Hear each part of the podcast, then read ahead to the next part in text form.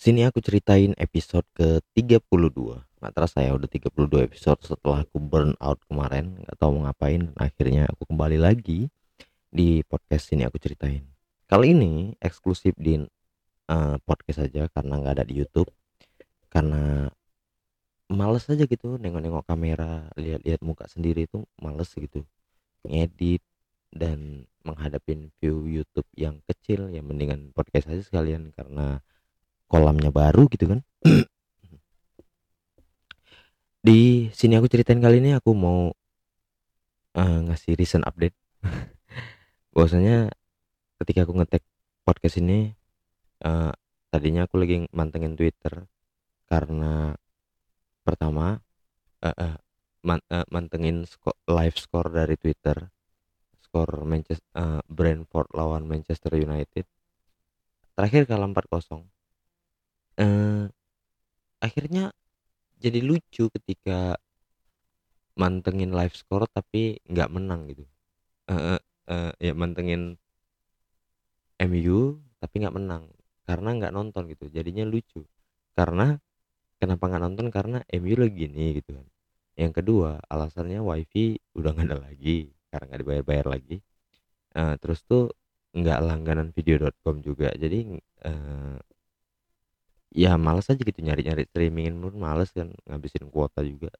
Terus tuh akhirnya solusinya mantengin tweet di Twitter uh, live score gitu dari akun-akun bobolaan gitu kan. Dan anjing kalah 4-0 goblok emang ibu tolol klub anjing. Tapi eh, itulah uh, kadang kita ngefans sama klub itu nggak usah nggak usah terlalu ini ya maksudnya nggak usah terlalu mendewa-dewakan kali gitu. Kan ada orang tuh yang yang uh, bisa sampai nangis kalau klubnya kalah bisa sampai kesel seharian kalau klubnya kalah. Menurut aku sih kalau kalian suka sama ngefans sama sesuatu tuh ya kalau dia bagus ya kita senang. Kalau dia nggak bagus ya udah gitu. Nggak usah biasa aja gitu. Nggak tahu ya kalau ada orang sampai secinta itu gitu ya uh, terakhir kali aku ngefans misalnya aku ngefans sama siapa ya?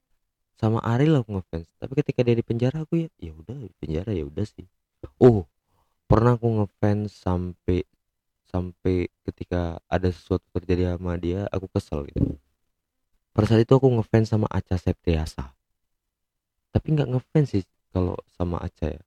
Lebih ke ngefans apa suka gitu apa sayang gitu nggak tahu lah ya ketika sama Aca Aca Septriasa itu kan awal mula tuh muncul dia di film di film Heart ya Heart. My Heart My Heart apa Heart sih? Ya gitulah yang sama Irwansa tuh uh itu sosmed belum ada tuh. Uh, kita cuma ngandelin dari berita-berita doang. Dan setiap hari beritanya tuh dari Aca sama Irwansa doang tuh setiap hari di infotainment semuanya. Jadi ketika aku lagi kerja gitu kan bla bla uh, radionya radio pun itu uh, putarannya pun uh, yang diputar di radio pun lagunya My Heart pecinta wanita itu lagi tuh pokoknya lagu-lagu soundtrack film itu terus kan. Jadi sampai pada akhirnya aku dengar kabar si Aca biasa pacaran sama Irwansa uh itu patah hati bener sih. Itu bener-bener patah hati patah hati itu aku gitu. Ih, anjing pacaran lagi gitu. Setelah itu aku nggak ngefans lagi sama dia. Tapi nggak kesel juga. Maksud aku ya udah biasa aja jadi biasa aja gitu. Ya aja aja gitu. Bukan bukan orang yang spesial di hati aku gitu. Padahal aneh ya kok bisa gitu ya? Kayak mencintai superstar gitu. Oke. Okay.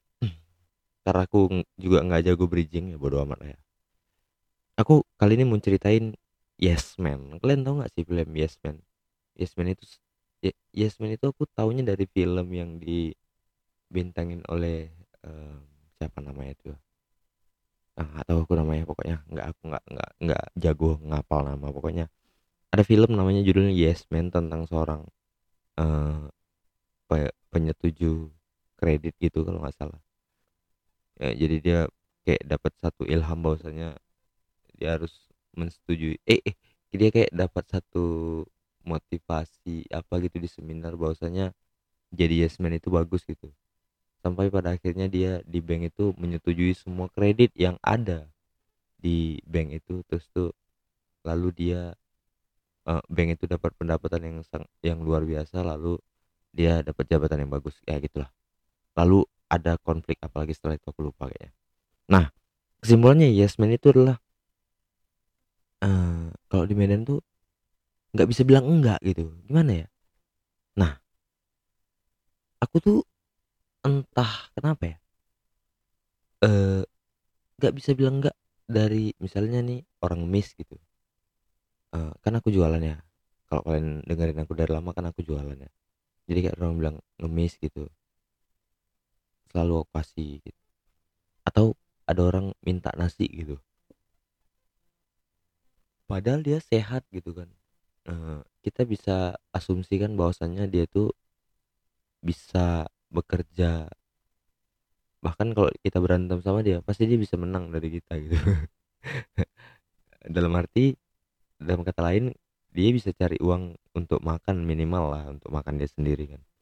Tapi ada suatu waktu uh, bang boleh nggak minta nasi ya? Eh, maksud aku kan gini ya uh, aku tuh nggak bisa bilang enggak. Tapi dalam hati aku ah, apa kau minta nasi? gitu. Masa nggak bisa? gitu sepuluh ribu doang gitu. Tapi di hati kecil aku ya kali lagi lagi susah gitu. Mungkin lagi cari kerja. Udah titik nadir nih tapi kelaparan udah gemeteran juga. Nggak punya uang gitu. Akhirnya aku turutin turutin aja. Nah aku tuh nggak tahu penyebabnya apa ya. Mungkin mungkin mungkin ya.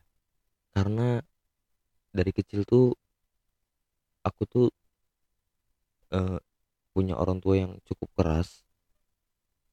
Bahkan untuk membantah aja aku nggak pernah gitu.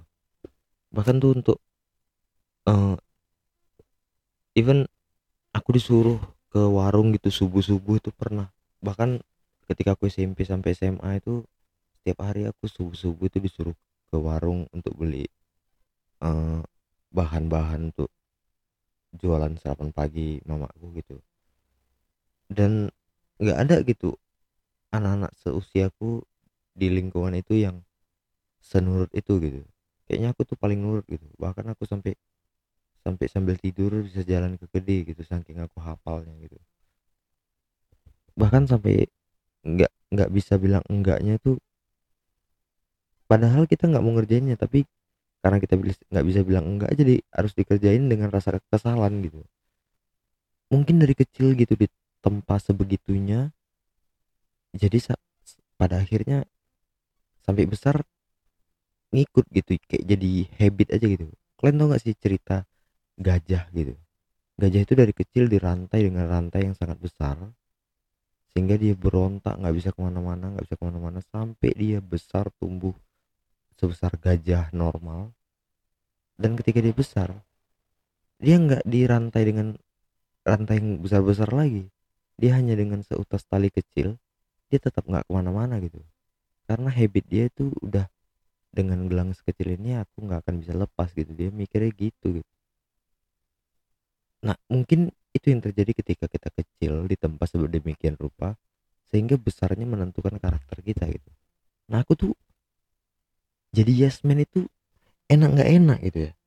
Maksud aku kadang aku senang jadi Yasmin karena bisa bantu orang gitu. Tapi ada kalanya aku nggak senang jadi Yasmin walaupun kalau katanya pakai jadi tuh berarti ada pilihan bisa nggak mau kan.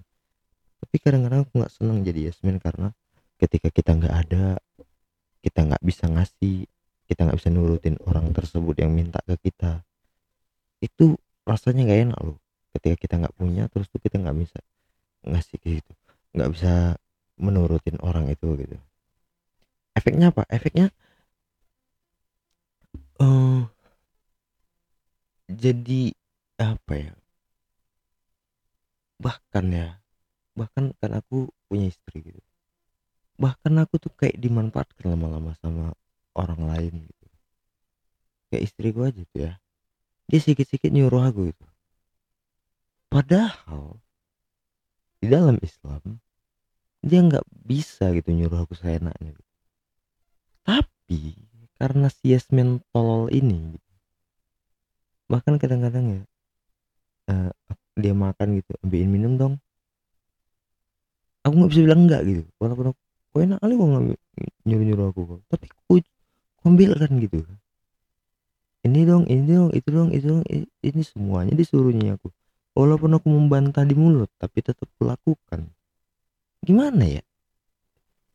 Se seanjing itu gitu efeknya. Buat kita nggak bahagia sih sebenarnya jadi yes man ini menurut aku. Uh, kita nggak suka ngelakuinnya tapi kita ngomel tapi kita lakuin gitu. Se yes itu aku tuh akhirnya apa coba? Menurut aku kadang-kadang kita suka menipu diri sendiri. Nah itu kan salah satu bentuk menipu diri sendiri. Untuk membuat orang lain senang gitu. Mungkin kalau sama istriku karena udah kedekatan emosional itu gitu. Uh, uh, ikatan emosional kita mungkin seerat itu gitu. Jadi kita aku bisa ngomel langsung. Gimana kalau sama orang lain yang baru kita kenal sama orang tua sama rekan-rekan teman sejawat gitu kan. Kita kadang-kadang suka menipu diri sendiri untuk menyenangkan orang lain gitu. Misalnya kita hmm, apa ya? Misalnya ada aja yang minta tolong gitu tapi kita nggak suka gitu. Kita harus menipu diri sendiri supaya supaya kelihatan orang itu senang kita bantu gitu. Bahkan misalnya ketika orang cerita yang eh, kita nggak suka terus tuh kita pura-pura eh, suka gitu pura-pura mengikuti alur ceritanya padahal kita nggak bisa gitu. Nah aku tuh nggak nggak lama-lama makin ke sini kayak makin sadar yes man ini harus segera berakhir gitu. Tapi apa ya? Aku tuh nggak tahu gimana caranya gitu. Uh, ini nih.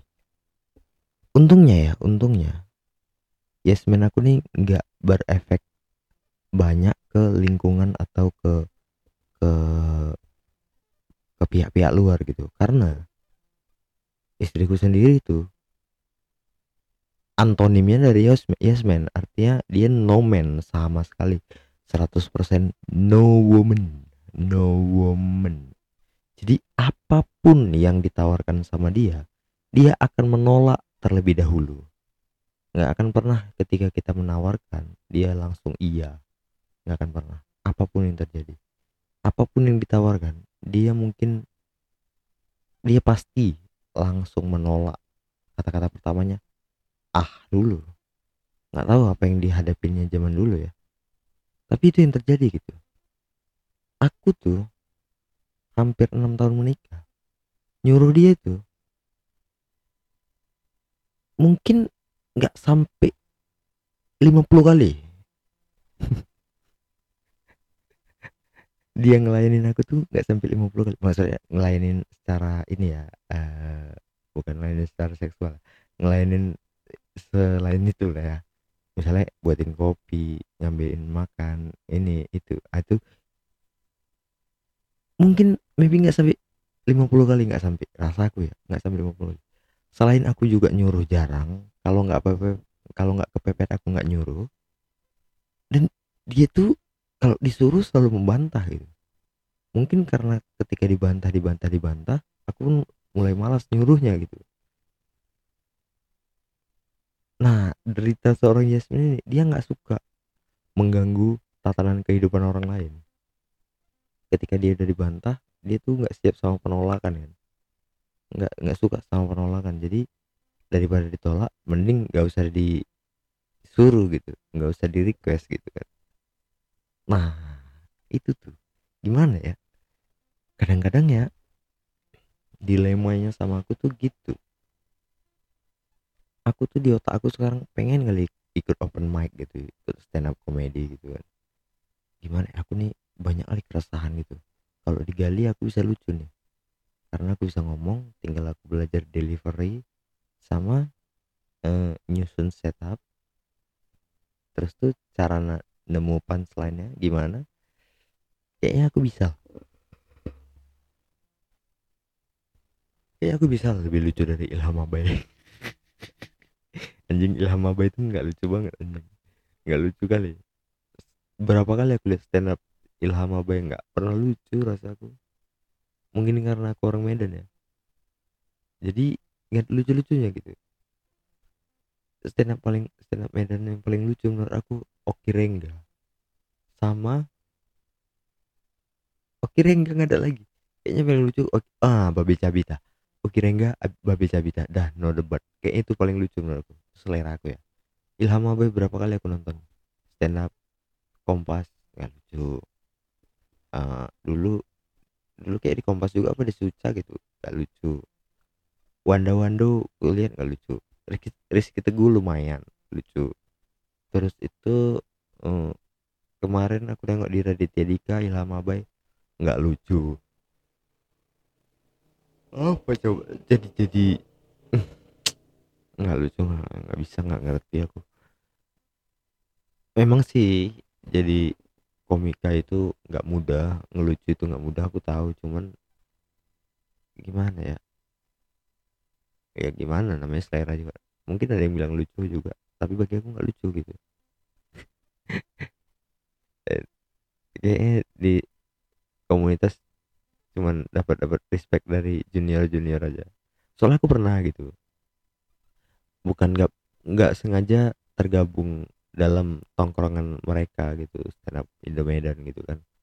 Jadi pada saat itu lagi audisi penyiar dan di situ yang daftar kayaknya anak komika-komika Medan semua. Uh, terus tuh tiba-tiba nongkrong gitu minum minum-minum apa gitu kan teh kopi dan segala macamnya. Nongkrong di suatu kafe gitu sambil ngantri sambil cerita-cerita ice breaking ice breaking ternyata komika semua gitu kan nggak lama datang senior ini. Kalau nggak salah itu ada Reza Kahar. Uh, datang udah ngelucu lah itu.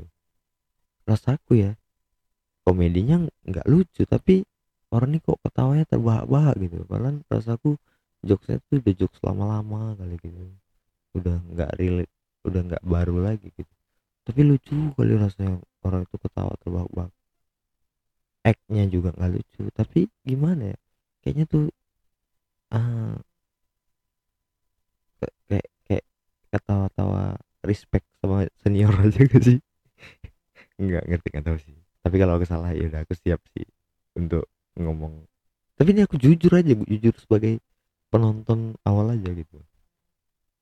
Ya gimana gitu? Ya itu yang kurasain gimana sih? Itu kali untuk episode ke 32 ini. Sini aku ceritain dari Yogi Sumarno. Kalau kalian mau mampir ke Instagram aku silahkan di @yogi bye